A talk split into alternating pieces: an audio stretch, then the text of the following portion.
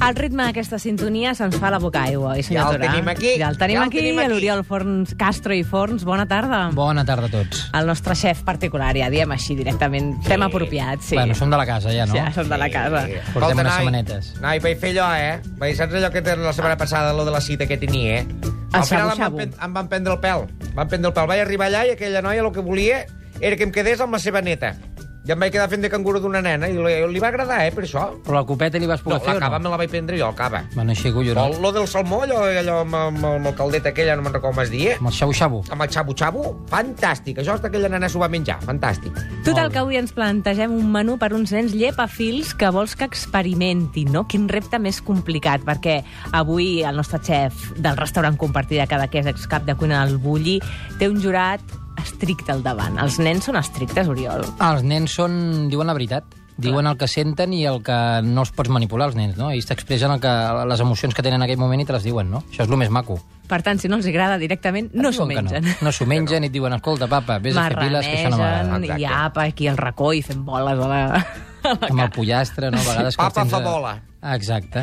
Què li faries? Quin és un menú òptim per una avui, miqueta avui trencar us això? hem, hem preparat dues cosetes. Unes costelletes de conill, no? Mhm. Bo. eh, i després una escuma de crema catalana molt lleugereta, no?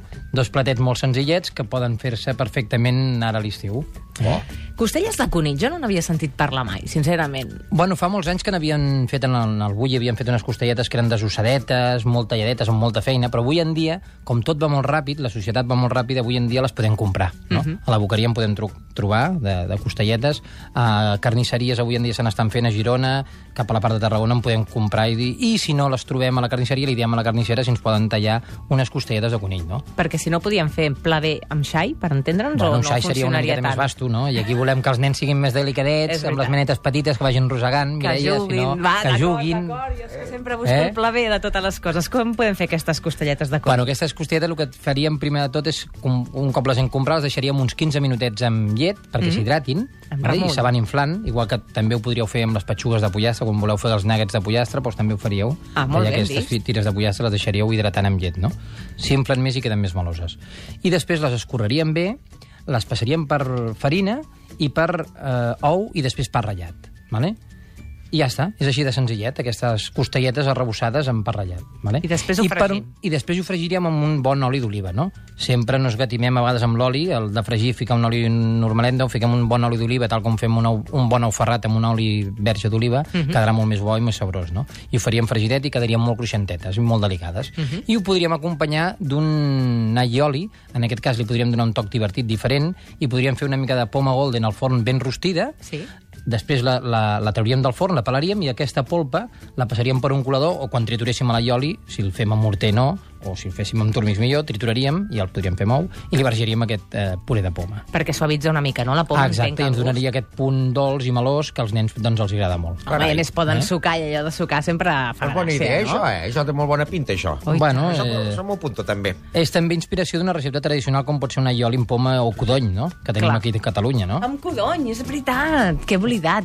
El gran el oblidat. codony és un gran oblidat, però de, de, és més d'hivern, però ara tenim pomes perfectament i ho podem fer amb pomes. Correcte, mira. I per rematar la jugada, Faríem una escuma de crema catalana, no? En aquest cas faríem servir una miqueta la màgia del sifon, no?, per fer una escuma més, més lleugera, i la faríem una crema catalana que la modifiquem una mica nosaltres. Nosaltres fiquem, en aquest cas, agafeu un bolígraf i apunteu 500 grams de llet i 500 grams de nata. Uh -huh. Això ho farem bullir amb una branca de canyella i una miqueta de pell de llimona.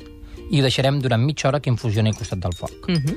I per altra banda agafaríem 10 rovells, 150 de sucre i 15 grams de farina. Uh -huh. Lo important seria que barregéssiu el sucre i la farina perquè no agafin gramulls i després ho barregeu a la llema d'ou. Tot això amb unes varilles ho remeneu bé, ho bateu bé i després tornareu a fer bullir aquesta llet infusionada perquè estigui ben calenta i escaldareu en aquests rovells amb la sucre i la farina. Això ho barrejareu bé i ho tornareu a coure uns segons perquè es pugi a 80 graus i ens pugui coure aquesta, aquesta crema. No?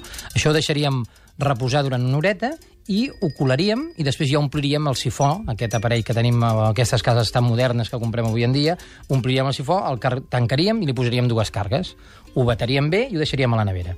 el Ho resultat, podríem fer el matí o ho podríem fer el dia abans i ho tindríem preparat. el resultat final és aquesta escuma Clar, quan ho tiréssim en el recipient tindríem una escuma de crema catalana molt aèria, no? com una mousse, perquè ens entenguem. No? i això amb els nens eh, ens el Això els guanyaríem encanta, no? d'entrada. Llavors, jo aquí també he portat un engranet que tenim que jugar amb els nens, no? i anar a la muntanya, anar a passejar, no? i anar a buscar aquests fruits vermells que ara podem trobar. No? En aquest cas, a la zona més costanera tindrem les mores, no? que ara ha plogut molt i en tenim moltes. No?